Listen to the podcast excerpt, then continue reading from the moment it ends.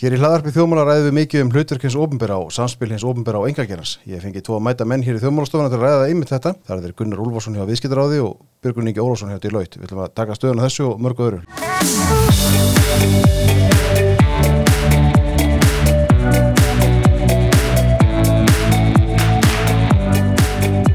Hér eru þið mættir.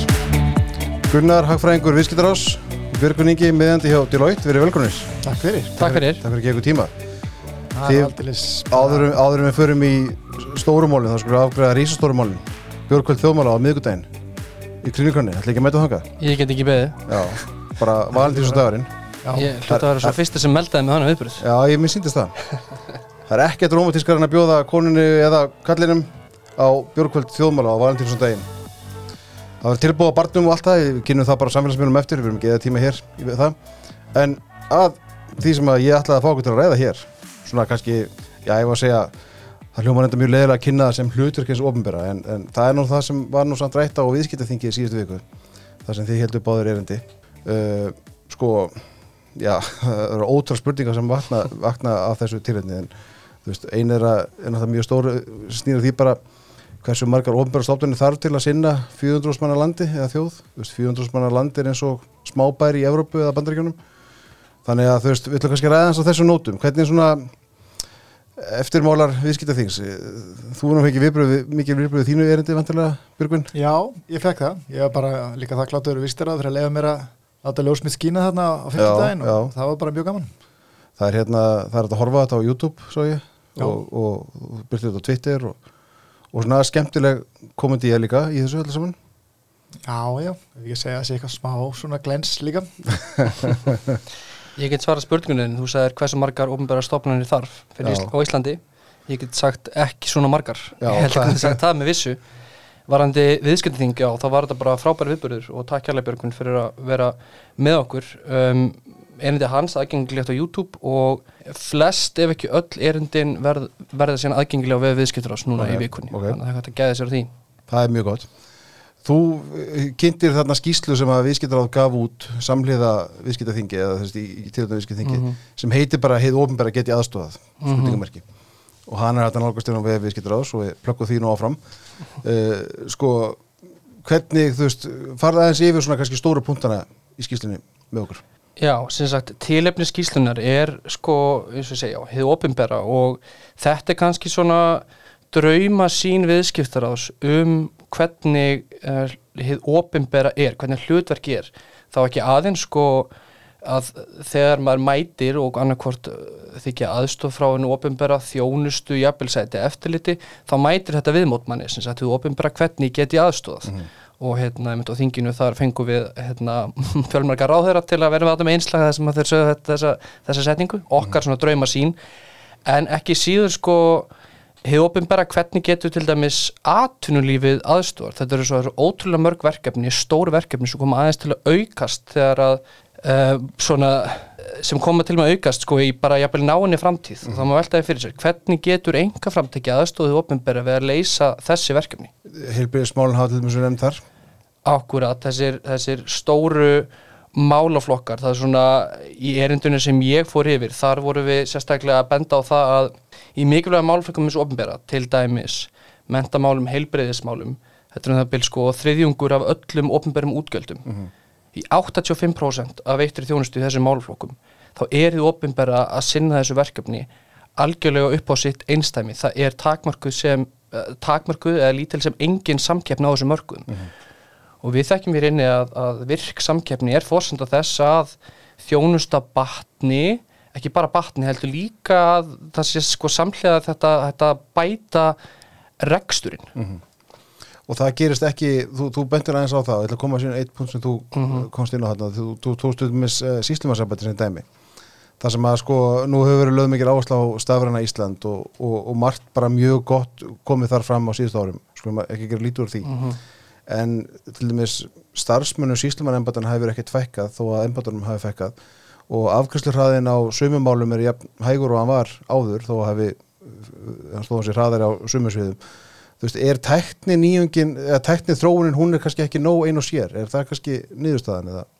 Já, ég, þetta, er, þetta er góði punktur, ég held að sko við getum tekið undur að þjónustina hafi batnað, ég meina hvernig fóru við hvernig fóru þið síðast til síslumanns, ég fóru að velta sér fyrir mér aðan, ég held að það var árið 2019 og ég meina hann að þjónustan er batnað, við erum að fjárfesta rosalega miklum fjár, fjármunum í stafvæðingu þessara ferla, hann er allt viðmótið, það er rafrænt í dag. Mhm. um, en veist, það er ekki bara nóg að vera með sko, flotta vefsíðu, heldur verða ásetningarnir einnig að, að endurspegla það. Og það sem að það sem er svo áhugavert að skoða sko, ef maður ber saman uh, við annan geira sem fór í gegnum sko, kannski heldur sambarilega umbyltingu það er að segja tæknivæðingu og, og hérna að það var útibúum að loka, það var hægrætt gríðarlega þess að bankagerin þar sjáum við að við sama tímabil og, og fækkaði sko um 10% hjá síslamann embættinum þar fækkaði um 30% Starfsfólki. starfsfólki. Og ég meina að þetta myndi þá þýða hjá opinber, nei að hjá að hjá síslumannum þar væri svona það 20%, 20 færri starfandi í dag. Hvernig horfum þetta við þér, Björgun? Ég held að, sérst, ef við spyrjum okkur sko, á hverju reyfast hlutin ekki í ofinbæra geiranu sko, þú veist, þá er hérna auðvitað ekkert einlít svar við því. En þú veist, þema þessa þings var ofinbæra kerfið og ég held að sé nú kannski fáir staðar sem er meiri stemning fyrir að nýta þessi ofinbæra geiran heldur, heldur nú virksta þing sko. Þannig að það var ekki eins og maður væri á aðalfundi Og, og hér í þjóðmálastofunni? Já, jafnvel líka. Og það er ekki sem að vera á, á ásfundi sko, BSRB eða eitthvað svo leið sko, en, en, en sko auðvitað eru þarna eitthvað svona prinsip sem ég held að hafi svona ykkur leiti mist marks og, og yngagerinn getur tekið þau til sín líka sko. þannig að það, hver? já bara, þú veist, hið opinbera er ekki alveg vist, vist um það hvað er í forgangi. Þú veist, hvað við að reyna að gera Mhm. og það sem ég var að leggja áslag í mínu yfirindu meðal annars var bara svona, heyrðu, við þurfum að vita hvernig gott lítur út og við þurfum að vita, vita hvernig okkur gengur að komast sko. einn af búndanum sko. Mhm. og, og ég held að það sé við sjáum alveg að þetta skiptir máli líka í því sem hefur ofinbæra hefur gert vel eins og þú nefndir Stafrand Ísland Mhm. það sem er sko, þá við skýr markmið með Mhm. þeirri vegferð og var skýri mæli hverja líka það var, það var einna mæli hverja var að, að fara upp þessa alþjóðlegu lista í, í svona eh, stafvæðingu ofnbæra þjónustu Mhm. og það hefur tekist bara ágætlega og við sjáum líka bara stórkostlega mun á þessum hérna, neytenda þjónustu sem stafran Íslandi er ætlað að, að bæta og auðvitað er þetta afmarka dæmi en það sýnir held ég svona í fyrir mér svona í prinsipinu hvað þið ofnbæra getur gert til að þjónusta okkur betur Mhm. hafa svolítið svona sína hluti á hreinu með eh, færri og einfaldari markmið og ljósa mælikvara Mhm. auðvitað er þetta engin, þetta er engin hérna, svakalega flóki vísindi þetta eru svona einföld prinsip sem ég held að þurfa að fara svolítið svona ofar sko. Þú tókst að emi af, af hérna Toyota Corolla, Já. 98 árgerð. 98, Toyota, geggjaður bíl Toyota er frábæri bílar Já, en, hérna, en það er það sem, sko, eins, og, eins og ég skilda og þú leirir þetta ef, ef ég er miskilda ég skilda þannig að þú, þú, þú lístir því hvernig þú ert með bíl sem er þá framleitur 98 sem hefur auðvitað ekki þær tekninýjungar sem að bílar í dag hafa. En þú ert búin að tjastla utan á hann alls konar þú getur spilað tónlist og hérna allt þetta í græjunum, þú veist. Er, er ríkið að reyna að gera þetta eins að reyna að tjastla utan á kannski gömul kerfi sem að funkar ekki endilega saman ok, ég ætla er það, er það samlingingin sem varst að draga ja, fram með sko, ég hæ aðeins sem þetta á mér sko, það er að segja, ég vinn náttúrulega sem ráðgjafi Mhm. og, og vinn þá mikið fyrir engageiran og, og líka fyrir opinbergeiran Mhm. þegar maður vinnur fyrir opinbergeiran þá gerist það stundum að þau vilja að ég segi frá því sem ég er að gera Mhm. sem ég geri náttúrulega mjög sjaldan þegar ég er að vinna fyrir engakeran og, og það er svona þessi sömu trúnaða prinsipir ekki alveg til staða sko. Ég sagði frá vinnu sem ég vunni í haust á heilbreyðstingi fyrir heilbreyðsara og ég hef pælt mjög mikið í þessu sko, af hverju eru vandamál til staðar sem eru til staðar og ég held að þetta sé eitt, eitt prinsip er umboð Mhm. það er að segja margir hafa umboð til að lappa upp á til að sinna viðhaldi vel alveg eins og með Toyota Mhm. það, það hafa umboð til að bæta við þannig að ég geti hlusta á Spotify bílnum eða get mér hittamótt í sætin að því að miðstöðum bílaði margir hafa umboð til þess en það hafa fáir umboð til að kaupa sér nýjan bíl. Mhm. þó að nýju bílinn hafi mjög margt sem 98 mótil að Toyota eins frábæra og hún er hefur ekki sko. Og, og ég held að það sé hluti til vandamáli sko er að við erum með mjög marga í kerfunni sem vilja vel og vilja gera betur en er ekki endilega með tækin og tólinn til að takast á við rót vandar sem hafa hins vegar umboð til að lappa upp á og það, það er allt í læg það meikar sens frá sjónurni þessa fólks að gera það og það er eiginlega eina sem þú getur gert að þú myndir auðvitað alveg vilja gera annað og hafa umbóð til þess, þannig ég held að svona stefnumótininn og áherslunar þurfa að koma ofar í kerfinu Mhm. því að fólki sem er að, að, út á akrænum og hefur svona umbóð til að breyta ykkur hefur bara umbóð til að lappa upp á Toyota Corolla 98 mótil frekar en að að búa til kerfi sem við þurfum að halda í dag. En skinnjar eru vilja til þess að vilja gera hlutuna alveg nýtt í staðin fyrir að viðhalda gömlum kerfum? Já, já, ég meina ég, ég, veist, alveg og annar staðar er þetta er bara íslendingar og alls konar fólk sem er að vinna hjá einu opinbera og það vil alveg gera sitt vel sko. Mhm. og, en það, það vantar aldrei svona kvatana til, að, til þess að gera það sko. Mhm. og þess vegna held ég að, að svona áherslur eins og voru í, í stafrun Íslandi sem komið bara aftur að því, það sem er svona verkefna bundi og skýr markmið sé eitthvað sem mætti nota víðar og hugsa hans betur. En þetta var náttúrulega bara einn af, af punktunum í á fimmtudaginn en, en hérna ég held að sé veist, ástæðan fyrir að fólk kannski skildi hvað ég var að segja þarna á fimmtudaginn var bara að þetta er svolítið augljóst. Mhm. það er svolítið augljóst að, að það, er, það er verið að lappa upp á. Veist, við erum ennþá með fullt af stofnunum sem við kannski þyrftum ekki að hafa. Við erum með svona struktúr sem, við, sem er að miða við samfélag sem við reykum ekkert í dag. Og, og, og við værum ég, ég líka spurði þessu oft í enga fyrirtækjum sko, myndu við búa til þetta skipulega við værum að búa þetta til í dag? Mhm. ég held að í ofinbæra þurfum við líka á þeirri hugsun halda þetta aldrei mikið þar að er það samfélag sem við værum að búa til eða við værum að búa til núna það samfélag sem við erum að reka sko, eða því ofinbæra kerfi sem við erum að reka? Og ég held að við séum ekki, ekki, ekki rosalega Mhm. Við sjáum náttúrulega ekki oft sko, já, það er ekki oft sem að mitt eftir með sér hug bara ráðandi áslagarörnu í hug, nýsköpunar yðnaðar og, og hérna háskólaráðandi sem að er búið til árið 2022 og það er ekki oft sem við búið til ráðandi á, á, á þessum tíma sögunar en, en það er auðvitað fróðult að sjá svona hvernig það verður til og hvernig, það er, hvernig skipulagi það er.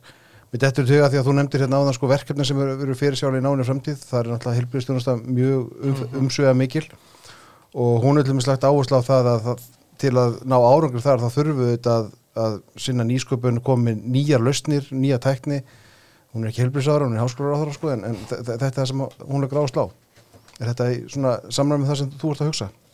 Mhm.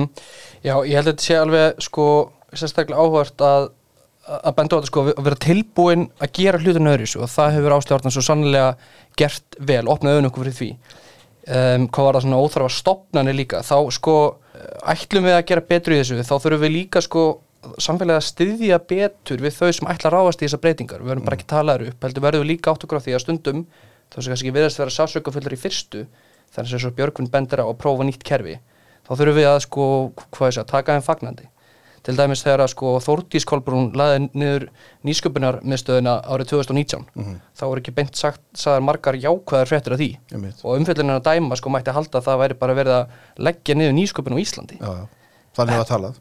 Þannig var að tala, spónum til dagsins í dag. Við erum með blómlegt atvillu með mikla nýsköpun, það er mörg spennandi tækifæri. Að einhvern veginn spennandi tækifæri og hugmyndir sem eru að taka á loft.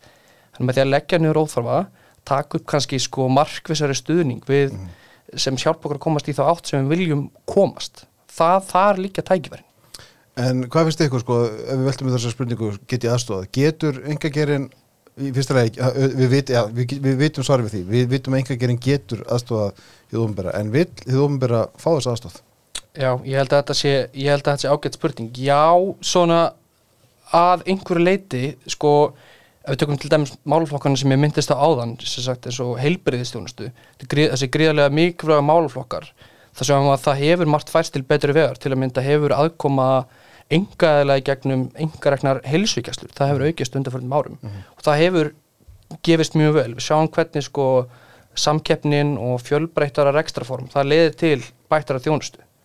Engareknu heil, heilsvíkjastlunar á höfabrókarsvæðinu ég held að séu fjórar á móti 15 í opinberðin rekstri. Þessar fjórar engareknur aða sér í efstu sætin í þjónustakunnum og mér skilst einnig að, að það er eiga auðveldara með starfsmennhald þannig að þetta, er fyrirkomulag sem sko verið senda þessum að þykja þjónustuna og þeim sem veit hana betur. Þannig að ég held að við getum prófað gerðanfært okkur meiri áttin þessu meiri að sko fjölbreyttara rekstraformið í þessu mikilvægu málflokkum Ég, ég held að ríkið sko og hefur þurfum við bara að vera aðeins skýrara um það hver stóru markminn er og hvernig er hægt að ná þeim. Þegar það er spurningin, þá fer það að spurja ok, hvernig get ég búið til bútana sem, sem koma með þanga. Og ég held að þá verði samtali milli ríkis og engagerans svona skýrar um það hvert hlutverk engagerins væri til að hjálpa ríkinu að ná þeim markmiðum ef að markmiðin er þetta alltaf skýr við hugsaum til um, sem heilbriðiskerfi við værum mjög góði því að mæla það sem við viljum mæla heilbriðiskerfi það væri markmiðin væri rosalega skýr. Það væri bara, herru, ég er heilbriðisavara ég er ráðundistjóri eða eða hvað, hver hann svona er. Ég veit að það sem skiptir mestu máli hjá okkur er að gera þetta. Við ætlum að útrýma þessum byggðlistum við ætlum að forgangsráða þjónustu svona við ætlum að passa þessir sjúklingar þurfu ekki að býða en þessir mega býða og svo framvegis. Og ef að það er skýrt þá býrðu til svona leiðir að því markmið þú bara skilgrinni það svolítið niður svolítið eins og, eins og við, við getum gert og, og þú sér þá ekki endilega sko, hvar engagerinn getur hjálpa fyrir nátt komin þanga Mhm. því það er fullt af virði sem getur orðið til þegar þú ert farin að skilgrina þessar vörður og leiðinni og það sem gerist þá líka er að við getum bú, búið til virði fyrir samfélagi sem, sem er þá að búið til sko, útflutningsvörur eða, eða hvað heitir sko, á þessari leið þegar enga gerin er búin að vinna saman með ríkjunu að, að þessum vörðum og sanna sig sem svona pælótmarkað fyrir eitthvað sem er stærra og merkilegra sko. Já, og mér finnst ágætt að taka dæmi úr enga geranum um svona sem sko til að kenna okkur uh, þetta einhvern veginn í heilsinni var þegar að Menika var stofnað 2008 þá voru allir bankarnir með einhverja svona uh, hluta sínu netbanka sem voru sko einhver svona bókaldskerfi Mhm. þetta er ekki einum einasta banka í hug að það var eitthvað virði í því. En alveg svo sko einhverju heilbreyðstjónustin sér ekki endilega virði í því að gera eitthvað betur sem er verið að gera illa í dag þá gæti eitthvað nýsköpunarfyrirtæki eða séraf tæknifyrirtæki búið til laust eins og bókaldskerfi meninga sem bara bjóti fyrirtæki kringu það sem bankarnir sá bara sem vesen og kostnað þá getur heilbreyðskerfi gert slíka hluti með því að vera með alveg ljóst hvert er verið að fara og hvernig einhver gengur að komast þangað. En í þessu dæmi svo nefndir, nefndir að þá þetta skiptir máli að bankandi voru opnir fyrir því að Já. vilja nota þetta Já. og, þú veist, og innlega þetta og kynna þetta fyrir svona kunnum og allt þetta. og ég held að ríkið verði opnara um leið og það verður skýrara um það hvar það er statt á vekkferðinu til þess að komast þangað sem það vill koma Mhm. og ég held sko að við svona ég talaði hans á fimmtudaginn um, um sko hérna árlegar áherslur í ríkisrekstri Mhm. sem er svona úr fjármála og efnarsamandi sem er nú bara mjög öflugt ráðinni og gerir margt mjög vel en mér fannst þess það sína mér það að þetta væri bara ekki alveg nóg skýrt mér fannst einhvern veginn hluti sem mér finnast vera algjör leikil áherslur í ríkisræstri ekki vera á þessum innblöðingi sko. Útskýru það betur. ég bara, veist, þetta er árlegt skjál sem er bara svona innblöðingur og ég, ég myndi halda bara, þú veist bara, tökum bara eitthvað mjög basic bara, ég, ég vil bara að það sé farið vel með fjö Mm bara Já, já, Og- og þú veist, um það. það er bara svona Vonandi. eitthvað svona prinsip og, og ég myndi halda að það vera eitthvað sem væri að segja mér það ég vil bara, ég vil taka ákvarðinni byggt á okkur um góðum upplýsingum Mhm. ég vil vita hvernig ég er stend svona bara, hérna, mér finnst það ekki alveg vera eins framarlega þú veist, orðalega eins og við það við stefnum við að mannuðstjórnun og nýti mannuðstork ríkisins það er ekki einn af tíu punktunum sem myndi halda að þetta verið fórgrunni í ríkisins bara svona að ég segi eitthvað sem ég finnst vera auðljóst sko. þú veist, hérna þú veist, eh, það þarf bara að vera eh, beinskeittara færri orð og skýrar orð Mhm. og, og, og svona ljós svona, það þarf alltaf að vera í samingi við einhver stór markmið, einhver stór prinsip og, og svona eitthvað sem fólk getur lesið þess að þegar já, veistu, ég, ég er kannski ekki sammála en ég skil þetta, Mhm. þú veist, það skilur engin svona orð, þetta er bara stopnanamál, þetta er embætsmannamál og við verðum að tala tungumál sem, sem fólki skilur. Við erum að leifa þeim að vera sammála eða ósammála eða, veist, sjá hvað áherslur ég er að færa fram sko. og ég held að það sé bara veist, hérna við, mér finnst stundum því að ég les svona texta hann sé vera að tala til embætsmanna Mhm. og embætsmenn að tala við embætsmenn og mér, að það upplifin flestra. já, og mér finnst að ríkið er að tala við okkur Mhm. og alveg svo hérna, get ég aðstofað konsepti sko, bara hérna mentakerfi á fórsendum nefndana, heilbyrðiskerfi á fórsendum uh, sjúklingana Mhm. og, og ríkistrekstur á, á fórsendum skattgreðendana sko. Mér finnst að orða þetta svo hérna, ágætlega á þinginu það var einn frábær glæra eh, sem var á skjá sem sko enn gæslappa og sagði að það veri ömurleg hugmynd að verja fleiri krónum ítla. Mér finnst þetta frábær punktur ég held og, að séu allir sammála um Já, hvort vera einmitt. hæri eða vinstri sko, það skiptir ekki máli, þetta er bara það vill enginn verja peningum Mhm. illa, það er bara einhvern veginn, er ekki þannig Ekki Og- meðvitað, nei. Nei, Nei, og, nei. og sko og, og, og mér er svo áhært að benda á eins og útgjöld í sko grunnkerfin heilbæriðis, menta, almannatryggingar sko útgjöldin hafa aukist í þessa málflokka sem aldrei fyrr undanfærin ár og maður finnur það á fólki sko, það telur sér ekki vera að fá meiri þjónustu en samt eru sífælt að dæla meiri og meiri pening í þessi kerfi. Og bara ef maður ber saman til dæmis Ísland við Norðurlöndin þá sjáum við að útgjaldavöxturinn hérlendis uh, og svona þeim síðustu fimm árum sem eru samanbörðarhæft 2017 til, til 21 en nýjustu gögnin þá sjáum við útgjaldavöxturinn hefur verið það byrjt tvöfalt hraðari árlega hérna í Íslandi en í Norðurlöndunum. Þá getur einhver bent á, heyrðu okkur hefur fjölgað mun hraðar en þessum þjóðum sem er alveg hárétt ef við leðrættum fyrir fólksfjölgunni þá er útgjaldavöxturinn ennþá svona tæplega tvöfalt, tvöfalt hraðari. Ok, þannig að við erum sífælt, við erum búin að prófa hérna, við erum alltaf að prófa þessu leið. Dæli meiri peningi kerfin, sá hvert að batni. Dæli meiri peningi kerfin, sá hvert að batni.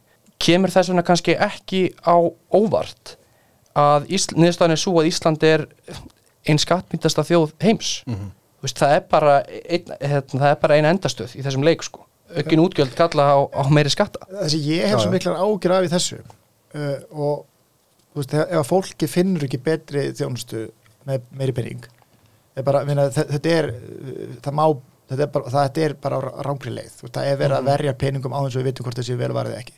Og, er, ekki, er ekki ykkur fram með, er ekki heilbríðskerf svolítið besta dæmi um þetta, það sem við erum alltaf auk, kallum aukin fjárútlót en ekki endilega um nýja lausnir eða Já, það er náttúrulega, sko, það er líka sagt við fólk, ef ég fæ meiri penning uh, þá verður þetta betra. Og svo er búið að gera það eins og Gunnar segir, það er búið að setja meiri penning en þetta verður kannski ekki endilega betra.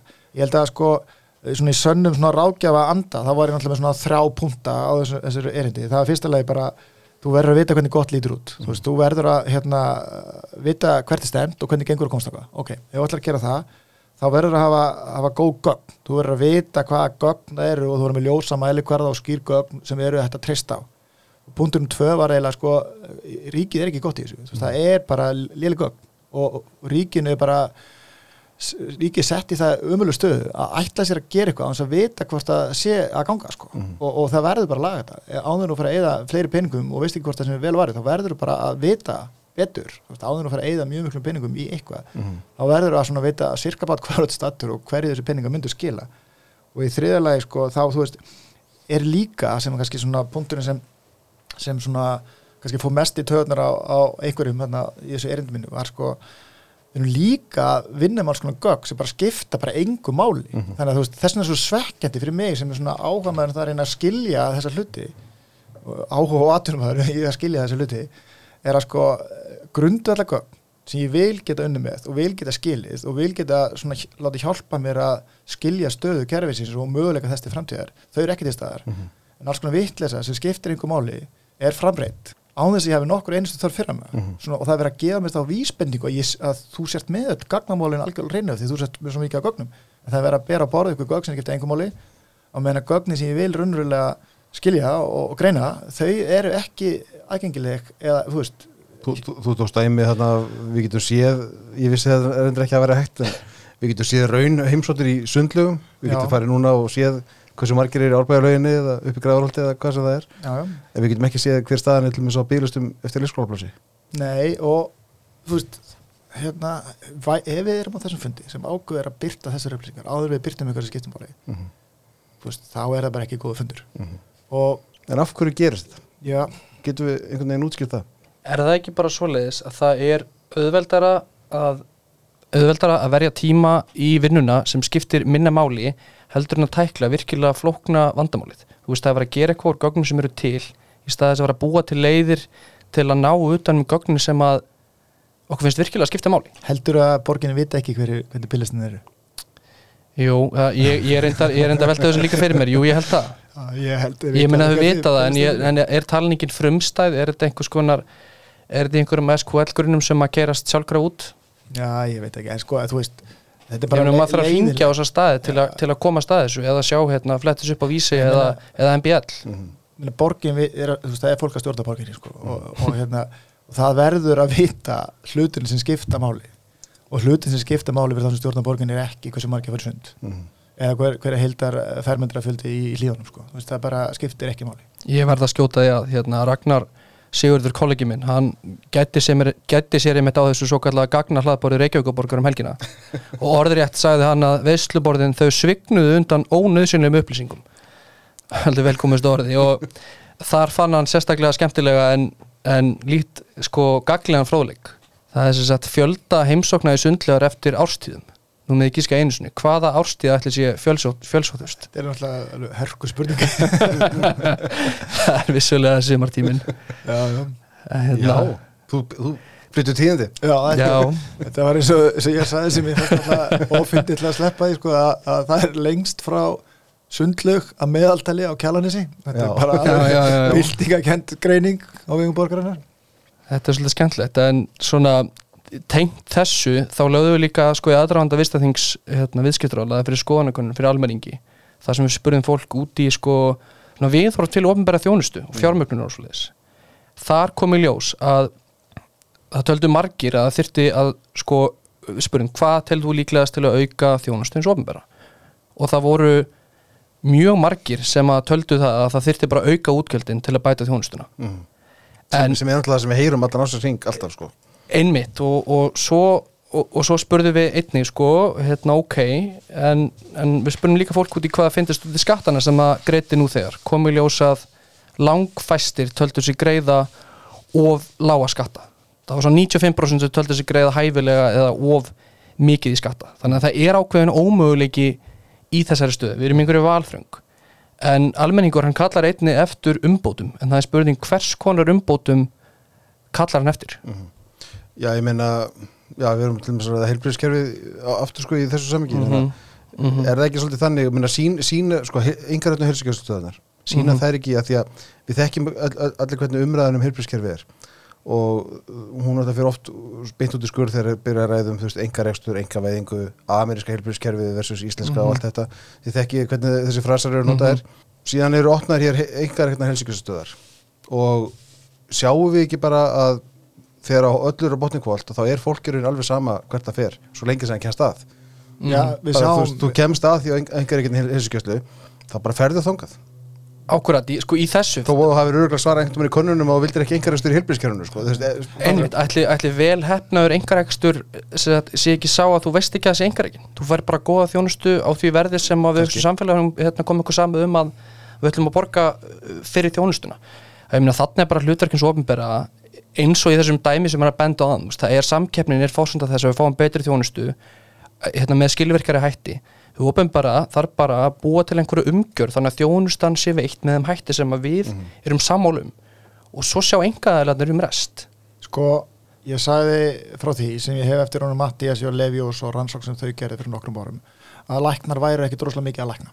Þeir væru rosalega mikið bara að kalla það, þeir væru ekki að lækna. Og, og það segir mig bara að við getum gert betur í, í mjög mörgum þáttum í helbjörnskerfinu, bara að láta fagfólk vera fagfólk og, og, og vera í aðstöðu til þess sko það kvartar enginn ef því að fá lélega þjónustu á tannlækni við erum bara frekar ánæg með Mhm. tannlæknar okkar Mhm. og það er ákveðin strúktu hvernig e, samfélagi er ákveð að eiga borga fyrir tannlækningar og pælum ekki til því en hugsa það sem þið farið til tannlæknings tannlæknin er bara tannlækna allan tíman veist, það, Já, er, já. það er klingað sem gerir allt og tekur mótið og og hann er bara að lækna eiginlega allan tíman Mhm.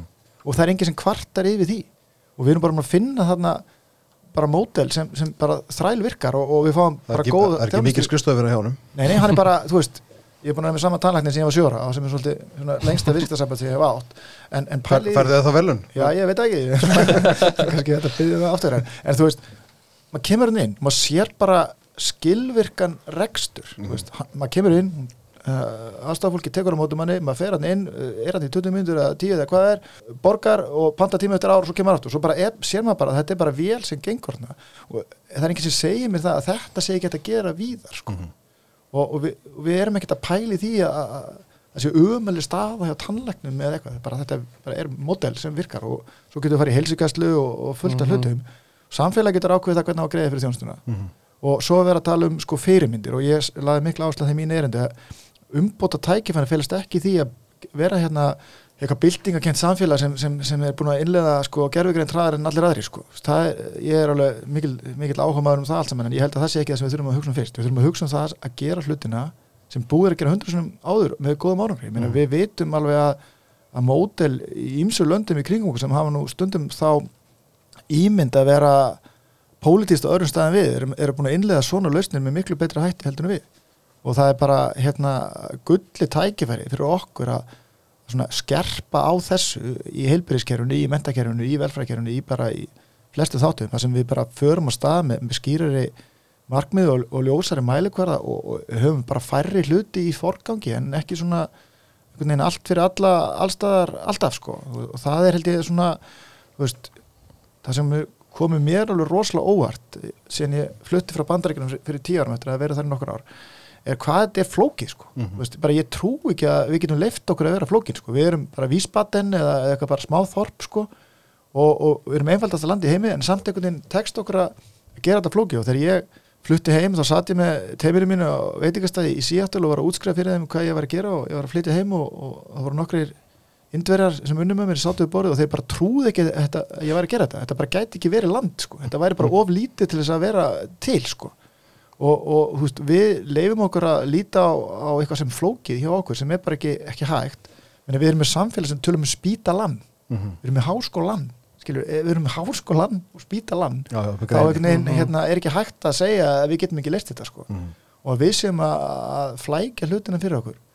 Er bara eiginlega ótrúlegt sko og, og þú spurði sko hvernig ég var að laga þetta sko. Ég held að sé bara, við þurfum aðeins að setjast niður bara að taka sko fyrsta markmið, það er efst svo eru bara einhver undirmarkmið þar, þau eru kannski þrjú svo eru einhver önnur markmið sem eru kannski tíu og bara vinna þetta svona En þetta er, ekki, þetta er ekki flókið sko En nú veit ég að þú veist, þú hefur verið að vinna í rákju fyrir ofnbæra aðra líka Þú veist, hvernig, hvernig gengur? Já, Hvað er þetta? sko mér finnst margir í ofnverkjörnu uh, hugsa hlutina bara vel sko Mhm. en það er hérna svona minnst spennandi kannski hlutina sem ég er, er að reyna að bera borð fyrir fólk hann á fimmtudaginn er svona þessi gagna mál sko. Mhm. og það er krefjandi mjög víða að taka ákvarðanir út frá einhverju þekktri raunstöðu sko. og það gerir allt bara svolítið þungt sko. Mhm. þannig, þannig að það er svona frekar óskemmtilega ræða að segja við þurfum að taka svolítið til því til þess að vita hvert við þurfum að fara sko. en það er samt svolítið þannig sko. við getum ekki farið bara eitthvert sko. því þá veist, get, getum við valið hvaða leið sem er sko.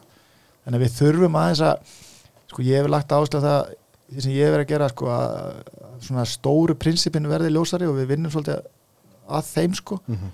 og, og það er eh, þungt sko, þú veist, það, eh, þú veist ég hérna, eh, nefndi þetta heilbreyðis heilbreyðismál sem ég hef verið að svona stúsast í sem er mönnun í heilbreyðiskennu gríðarlega mikilvægt og, og flókið mál þar eru gagnagæði eh, ekki alveg jafn góð og ég myndi kjósa Mhm.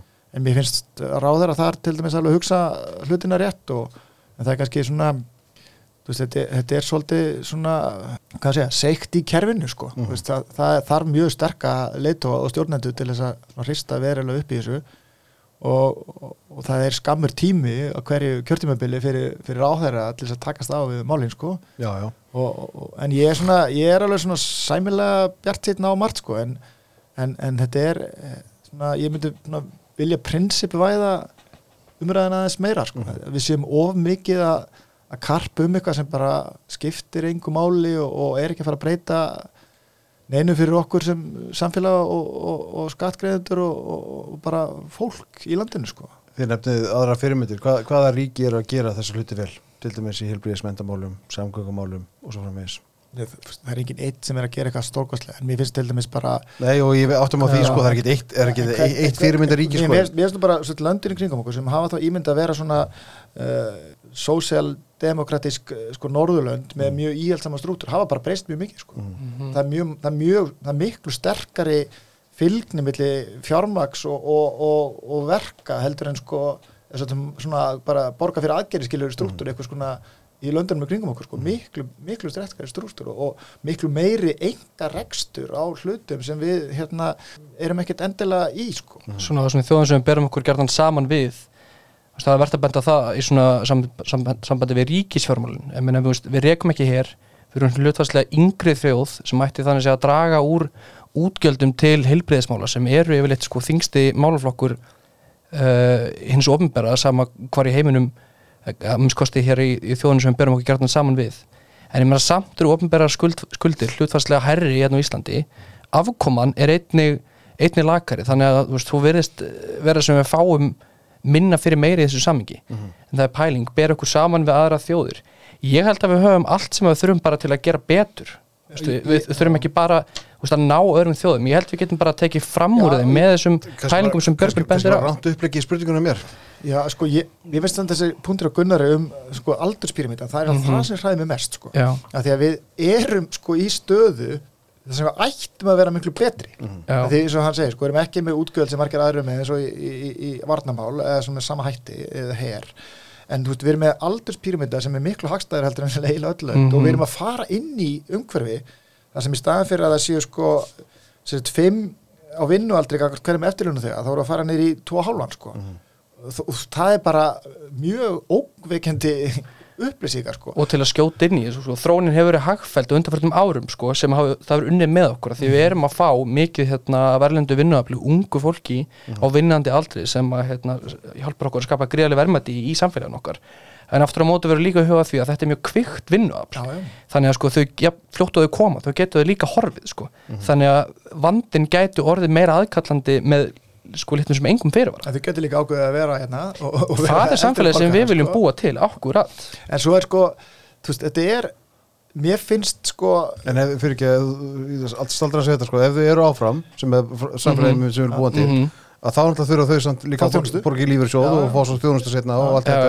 já, já, en þessi ég, sko, þessi er spennandi kostningar, uh, næstu kostningar Mhm. mm ég, mér finnst við vera ákveðin svona, svona skurðpunti sem við þurfum að, að taka afstöð til veist, við erum að fara eldast við þurfum að einfalda kerfið og við þurfum að sko gera hluti sem eru einfaldir betur sko. við erum búin að leifa okkur alls konar krúsidúlur í að flækja okkur sko. mm það er bara veist, umfang alls konar skýslna og greininga og alls konar hérna, sem er mjög rákjaða væn verkefni, ég skal bara algjörlega viðkynna það, en þetta er bara ekki það sem við þurfum á að halda sko. Mér langar bara að benda á eitt sem er svo skýrt dæmi, sko, konkrétt dæmi um hvað sé allt of flókið og það er til dæmis hvernig þú opinbera, sko, veitir fjármunum í gegnum samkeppnisjóði. Þetta er svo, hérna, þetta er málflokkur, eða ekki málflokk ásækið. Þetta er staður þar sem á svo sannarlega hægriða og í skýslu viðskiptráðs, hérna, hins opinbera sem vorum að ræðum rétt á hann. Þar leggjum við til með árið 2025 að bara með því að innfalda samkeppnissjóða umhverfi. Þeir, þeir eru svona tæplega 80 í dag. Þetta er alveg fyrir, fyrir opinbera að veita fjármunum út í bæði sko til stofnana og, og engaðela það mætti hægraða með útlutun ársins 2022 uh, um það byrj 2,5 miljard með því að fækka samkemsvörnum helming, lækka sem sagt umsýslu kostnað en líka bara leggja niður óþarfa sjóði og svona með að við vaksandi umfang sjóðana til dæmis orkusjóð eins og ég held að það séu 7,5 miljardar núna í ár þá myndu þessu tillögur sennilega að spara á milli sko 9-10 miljardar uh, með að við satt, árið í fyrra árið í árafsikið ég meina það er nákvæmlega eh, til að mynda með orkusjóð, það er ekkert eðlilegt við það að við séum að niðurgreða kaup á rafmaks atvinnutækjum, rafmaks engabílum sko flýta fyrir orkuskiptunum í umhverfið það sem er orkuskortur ég meina hlutverkisopera þarna er bara er að, sko, að tryggja samkefnishefni grætna orkugjafa og tryggt frambúð mm -hmm. það hefur ekki tekist og er þá ekki til dæmis betra að nýta þessa fjármjöni í eitthvað annað en sko að gera vanda sem er aðkallandi en meiri Ég meina, það, þetta er kannski, þetta er eitt dæmi um það hvernig við erum að flækja hlutina fyrir, fyrir okkur. mm -hmm. En sko, já, við sögum á hann að það er verið gaman að setja viðskiptaþingi og, og, og benda fingra á því ofinbera. Veist, það er þegar ekki annað hægt, það er það sem að flækja hlutina mest megnis. Já, já. Með krefi okkur um skýslur, erum með sjóði sem að Mhm. er út í verkefnum hér og þar og, og skekkja þá auðvitað, skekkja líka, og það er kannski hagfræði vingill í því, sko, skekkja líka, þú veist, almenna þróun á, á, á því sem markaðari myndi kannski leysa, sko. Af því að það er svo erfitt að verleggja eða meta það sem varð ekki, ég, eða verður seint eða verður, ég held að, að hérna, sko, sko viðskiptar á glími við það áskorun og aðrir en sjálfstæðlokkur finnst svona þeir vera útvellið þegar að mæta til viðskiptar og, og hérna og svona þeirra fólk að sást ágætlega á mætingu stjórnmála að leita á þingið sko.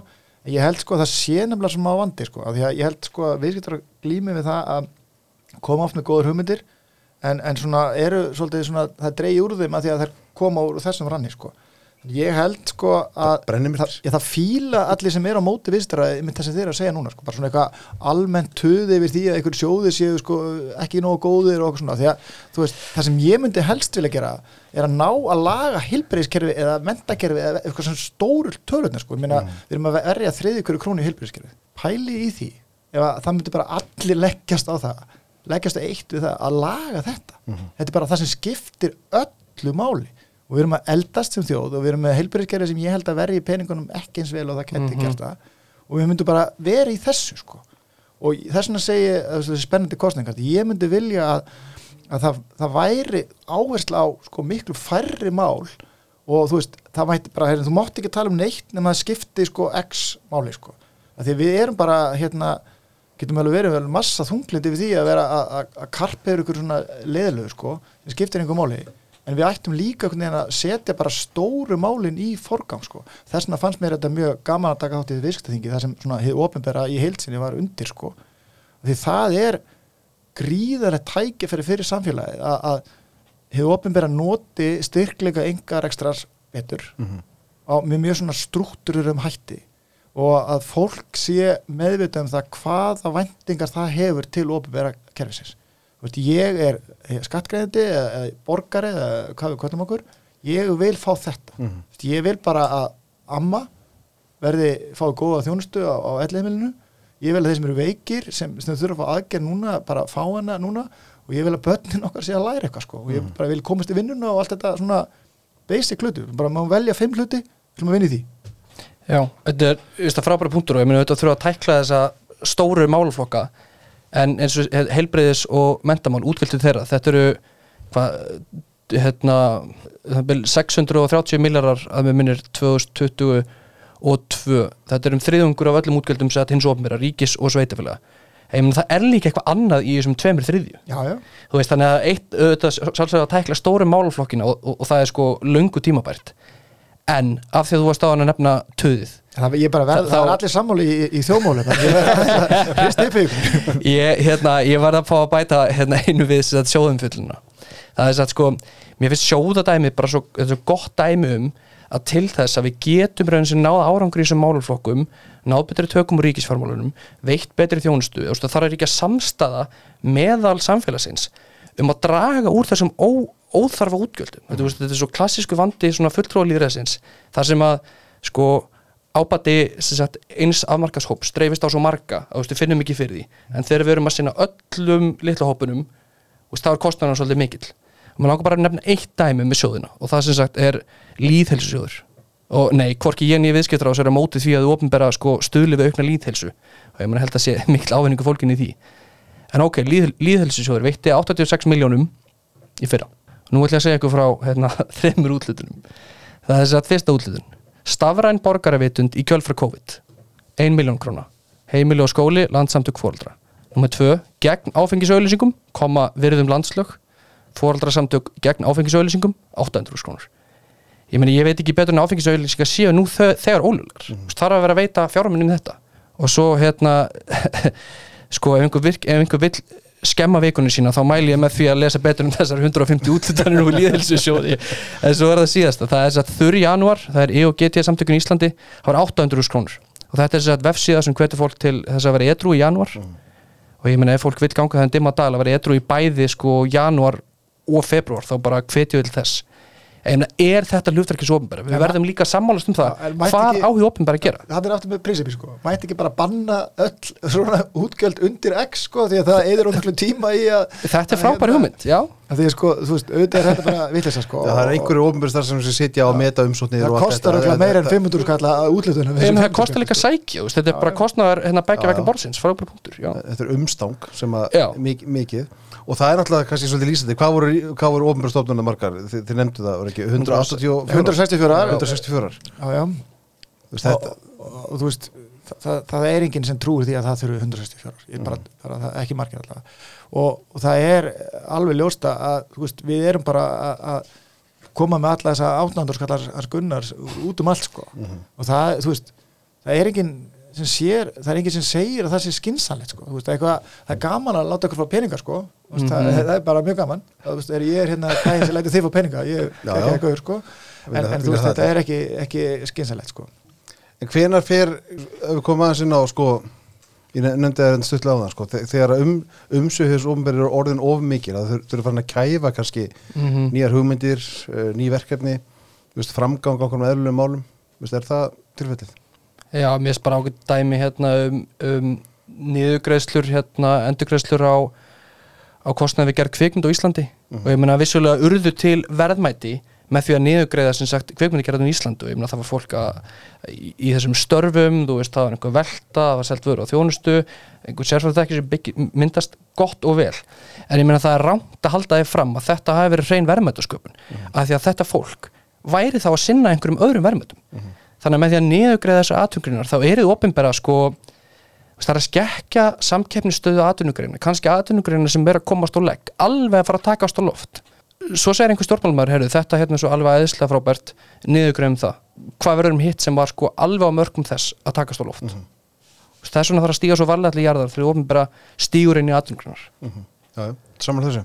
Sko ég ætla bara að tjá mig um eitthvað sem ég hef skoðun á sko og skoða almenlega því að, því ég hérna sko er, mér finnst það sem hafa reynst mér vel því ég er að vinna með ofnbærkinu, ég byrjaði að hlusta það og reyna að skilja prinsipinn og svo fer ég að fara yfir hvað ég held að sé hægt að lagfæra sko. Mm -hmm.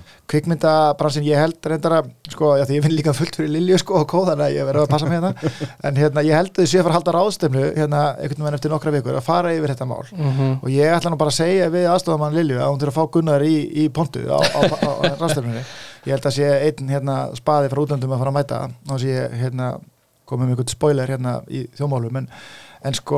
Just, ég skil alveg hvað það segja sko, og just, það þarf að spyrja þessar spurninga bara gegnum gangandi í mm -hmm. kerfinu mm -hmm. það bara er aftur, just, ég er svona alltaf eins og, og bilplata sko. við þurfum að vita hvert eru að fara og hvernig gengur að komast ákvað og hvað tæki höfu til þess að komast ákvað betur og þannig þarf að stjórna kerfinu, -hmm. alveg svo við stjórnum fyrirtækjum það er fullt af prinsipum í stjórnun enga eh, rekstrar sem þurfa að vera aðeins nær ofinbjörnrekstri kannski eftir sko bæði þetta viðskiptaþing og þessa skýslu og jafnveg eftir þennan þátt hér í dag þá er einnig spurningu eiginlega alveg ósvarað er þetta að fara að breytast eitthvað? Ég veist það bara eiginlega það er, það er tvær spurningar sem þurfa að svara það er þetta að fara að breytast og, og ég fekk líka spurningu sem var þessi tengt bara hvernig breytið þessu sko mm -hmm. og ég held að við getum alveg gert mjög margt til að breyta þessu mm -hmm. og við sjáum það alveg á þeim svona sigur sögun sem við eigum við að skýrmarkmið og fag, faglegt fólk að vinna þeim af, af miklum heilindum mm -hmm. og ég held að þetta, þú veist alveg eins og með hérna tannlagnana eða hilsugjastlanda eða hvað, þú veist það sem kostir engar ekstra að hafa verið nýttir með skynsalum hætti, við sjáum alveg fullt af tækifærum til þess á fleiri stöðum, þannig að ég held að við bara verðum að gera við erum bara með land sem er ungt og er mhm. eldast, mm -hmm. við erum með land sem er einfalt og er að bara gengur vel, þú veist við erum með við erum með allt sem önnur lönd myndu vilja hafa, sko, við erum með prótín, við erum með, sko, veist orgu, mm veist, við, við erum með hérna fólk, sko. Veist, við, erum með ferðamenn, þetta, er, þetta er alveg ótrúlega stað, sko, við erum með bara hérna, það var sagt þetta í 15 sinum á 50 daginn, sko landtækifærna og allt sem því fylgir, sko. Mm og ég held, sko, það sem gæti komið vekk fyrir að við myndum um eitt breyta þessu, er um eitt þessi sterkar staða, sko, en það eru áskorunni, það er það vofir yfir okkur að þjóðin mun eldast og við verðum að takast á við það. Mm. það, það, það eru alls konar samfélagsbreytingar að verða sem við þurfum að taka á af, af miklum krafti. Þannig að ég held að við þurfum að hafa fleiri eh, svona dæmisögur um eitthvað sem vel er gert og vinna mm þar. En við þurfum líka að byrja á toppna og vera að segja þetta er samfélagi sem ég vil að við byggjum upp og þetta er leiðin að því og þetta er leiðin sem ég ætla að mæla að því sko þú nefnir staðrand Ísland og við erum búin að nefna það nokkur sem hér en það er samt ágætt stæmi um það, það hvernig þið ofnbæra getur list mm -hmm. vandamáli eða list úr, úr, úr, úr flóttum flóttum málöfnum. Þar til dæmis var ekki eitthvað eitt ráðunendi eða engin einn stopnur sem að vann máli. Það er að segja fjármálandi fekk ekki einhverja teknistofnur ríkisins til að búa til lustnir stafrunar, mm -hmm. heldur bara engaðar út í bæði. Það er eitt prinsip sem ég verð ekki við sem allir gerir þessi grein fyrir varandi stafrandi Ísland. Sett stafrandi Ísland fær enga aðla mm -hmm. til að vinna skilgrind verkefni. Mm -hmm. og þessir enga aðlar taka að sér verkefni með sko fastri þóknun. Mm -hmm. þannig að svona execution áhættan í verkefninu hún er ekki hjá ríkinu. Einmitt. þannig að þú veist það er búið að ákveða hvað ríki ætlar að kaupa og það fær það. Ef að ríki smíður að sjálft þá er svo mikil hætt á því á leiðinni það kom einhver herra settur en þú og segja við, herru, við skulum aðeins breyta þessu. Við ætlum að gera A en við ætlum að gera B. Mm -hmm og þá ykst kostnæðurinn bara margvaldast með pí sko. já, já. og það sem, er, það sem er svo fallegt við stafrænt Ísland er að það er búið að taka framleiðslu áhættuna af ríkinu. Mm -hmm. ríkið á en þá sem vöruna. ríkið á en þá vöruna, ríkið á en þá gögnin, ríkið á þetta allt saman.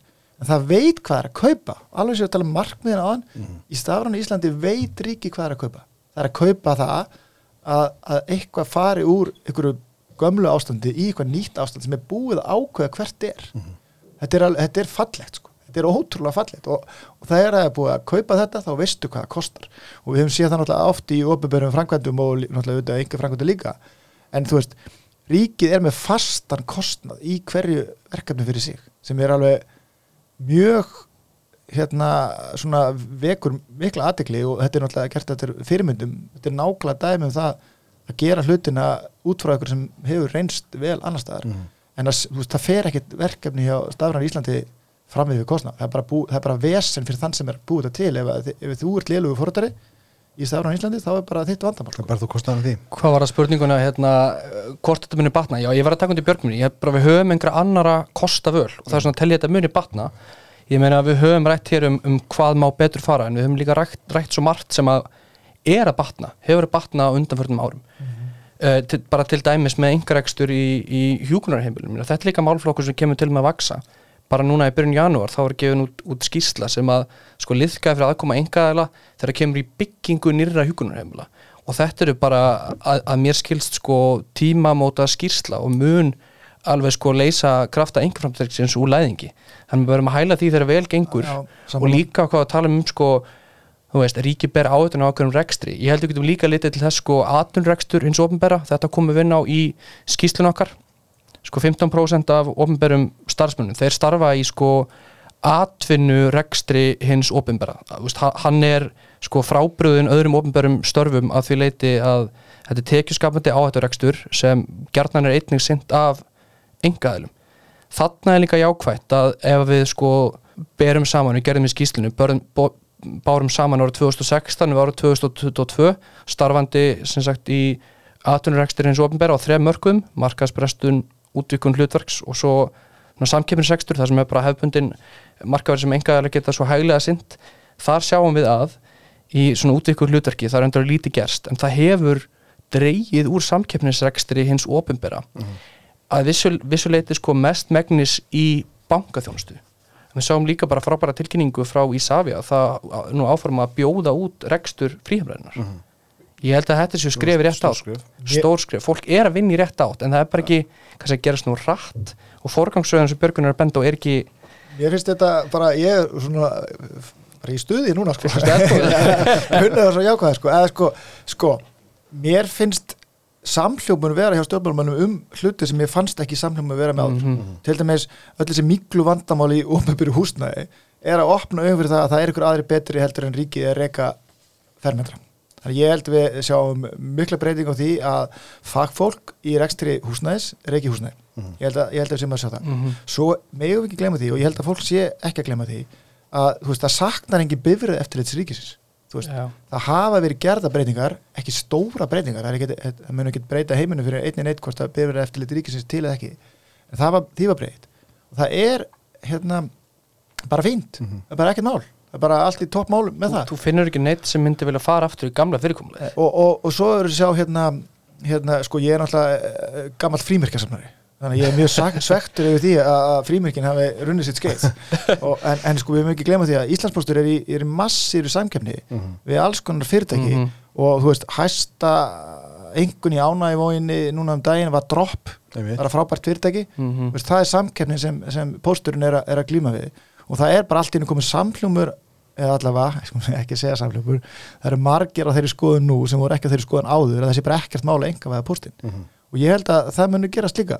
Og við getum haldið svona áfram þú veist, hérna, ég man ekki, ég var flettið inn upp fyrir hérna áður í komin að borgið var nú eitthvað pæliði að, selja malbyggunastöðuna höfða sem ég held að sé, hérna, ég veit ekki hvort að segja eitthvað mikið virði eftir í því en, en, en þú veist, það er fullt af svona tækifærum. Mhm. um svona litla hluti sem saman myndi breyta bara umtalsverði. Og þá er bara aftur að þessu sama, bara þú veist, hvað viljum við að ríkið sé að, veita okkur góða þjónustu Já, með sko Ég held að það sé, þú veist, ef ég má svara hlutaspurningunni sjálfur, sko, þú veist, það eru þetta, ég meina því að þú nefndið þetta með síslumarsembandin, hérna, Mhm. og við komum aðeins inn á það áðan, uh, ég var nú starfandi ráðundinu þegar þau voru þegar, þegar þeim var fækkað úr 18 í 9 fyrstulega voru lögurglembætin og síslimarsembætin aðskilin og síðan fækkað úr 18 í 9 það var mjög áhugavert ferðlega að fylgjast með því að því þá byrjuðu símtölun að koma úr öllum áttum sveitistóttan menn og allt þetta og menn voru áhugjur að því bara hvað er þau um gunnu á skristofunni sko. mm -hmm. þetta, þetta fer bara þangað Mhm. og þetta gerist þetta alltaf þegar ofnbæri er, er að hagraða innan gæslappa Mhm. þú veist, og, og sumuleiti er það bara eðlilegt og maður ver- verður auðvitað að sína því skil, ákveðin skilning sko, en, en, en á saman tíma getur þetta líka að stöðvað framþróun síðan gerast ákveðin hlutir sem eru bara ég menn eins og bara það, það getur, getur stjórnmálum bara úr hvaða flokki sem er koma að viðskiptaþing og setja undir ræðu um að það eigi að uh, kom búða nýja lausnir í heilbriðismálum mm. -hmm. við höldum okkur við það. Þú veist, og það er enginn að móti því í rauninni Nei. svo bara annað að gera það sko. það heldur ekki það það er heldur ekki móti að verja fjö betur sko. Það er enginn að móti umbótum í rekstri, ég meina gildislæði orð, þú bara, þú veist, þú ert seldanlega að heyra orðið, sko. Og ég meina að það vita ég, ég held að flesti stjórnmálum séu meðvitaðar um það að þú, þú komst inn á það við erum, við erum að eldast og við þurfum að, Mhm. við þurfum að breyta eitthvað hvernig við gerum hlutina, við þurfum að bæta þá Þa, það vita það allir en veist, hvernig ætlum við að gera það sko? það, er, það, er, það er stóra spurningin Já, Er það ekki bara að byrja? Já, sko, ég, nei, ég ég, að ég, ég, sé ég, ég, ég er svona svolítið var, að varpa þeirri stjórnbreytingu kannski svolítið til stjórnmálmannina sko, sem, mm er, já. sem er kingalli kolli þú veist, Mhm. já, já, við vitum að það þarf að bæta þjónustöðu og breyta ýmsu en þú veist, svo á að, á að fara að gera eitthvað byggja nýtt hjúgrunheimili eða mm Mhm. eitthvað, breyta einhver innan landsbytarnar segusliðis og þá byrja bara eins og með sístum að þá byrja símtölun að koma alveg eins og þeir á, að leggja niður nýsköpurum Mhm. þú veist, það er einhver sem ringir einhver smákongur, einhver staðar sko. þú veist, það er alltaf eitthvað svona sko. Já, og við erum, þú veist, eins og það er fallegt að vera einfalt lítið land þá er þessi nála að skapa okkur þú veist, þessar áskorunni, sko einmitt og, og en þetta er samt bara, hérna ég held að þetta séu svona veist, markmið og, og mælikvar og kvatar við þurfum að passa það að við séum að struktúra stofnanir sem að þá kvata til að gera það sem við viljum að það geri, sko. Það er ekki, held ég, alveg þannig mjög oft, sko.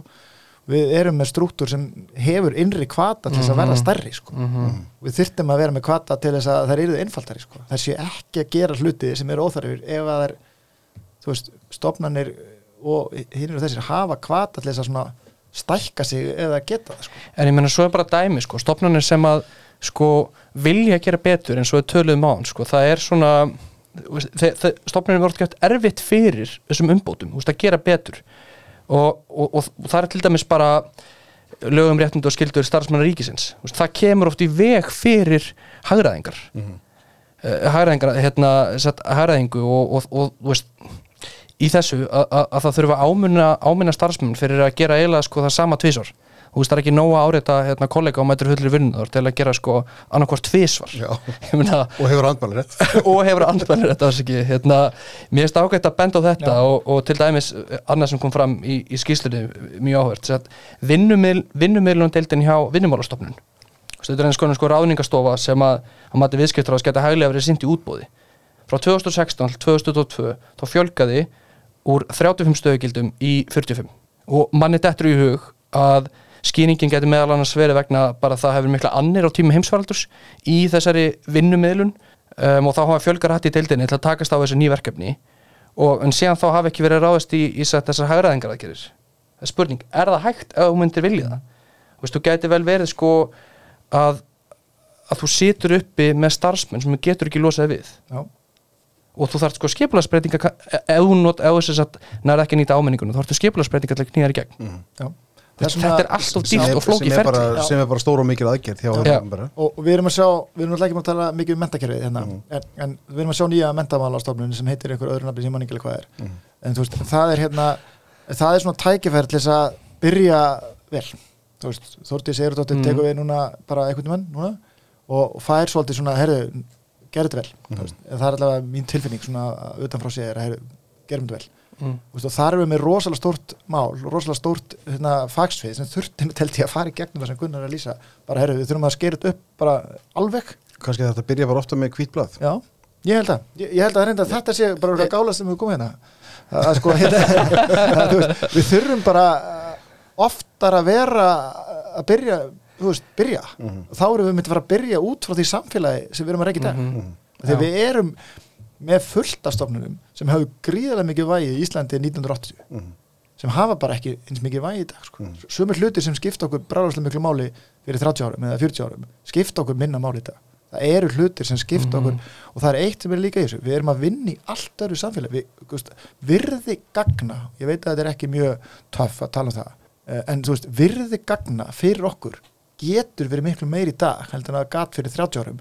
En við erum ekki að nýta það virði af því að gögnin voru ekki hönnuð með það í huga eða skráð eða, eða gerð með það í huga að nýta við stjórnun eða ákvarðantöku og mér finnst þetta að vera svona eitt svona skýrasti munurinn á vinnu fyrir opinbera kerfið og engarekstur er að enga fyrirtækin eru með aðeins betri tök á þessu.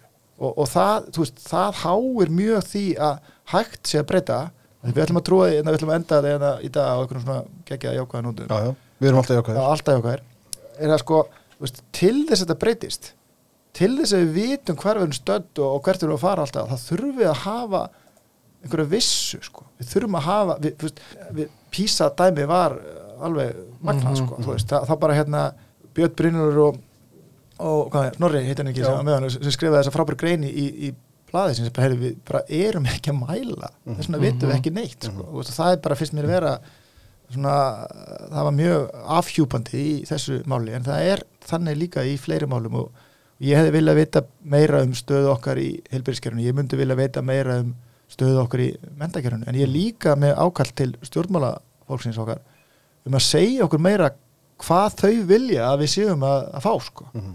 að því við erum meira að klappa einhvern svona verkefnum og hinn á þessu og svona, en, en þú veist, stóru prinsipin veist, þetta er samfélagi sem ég er að leggja áslá að verði hérna til eða þetta er, ég er ber ábæður þessum málflokku og þetta er stóra markmiðinn hans.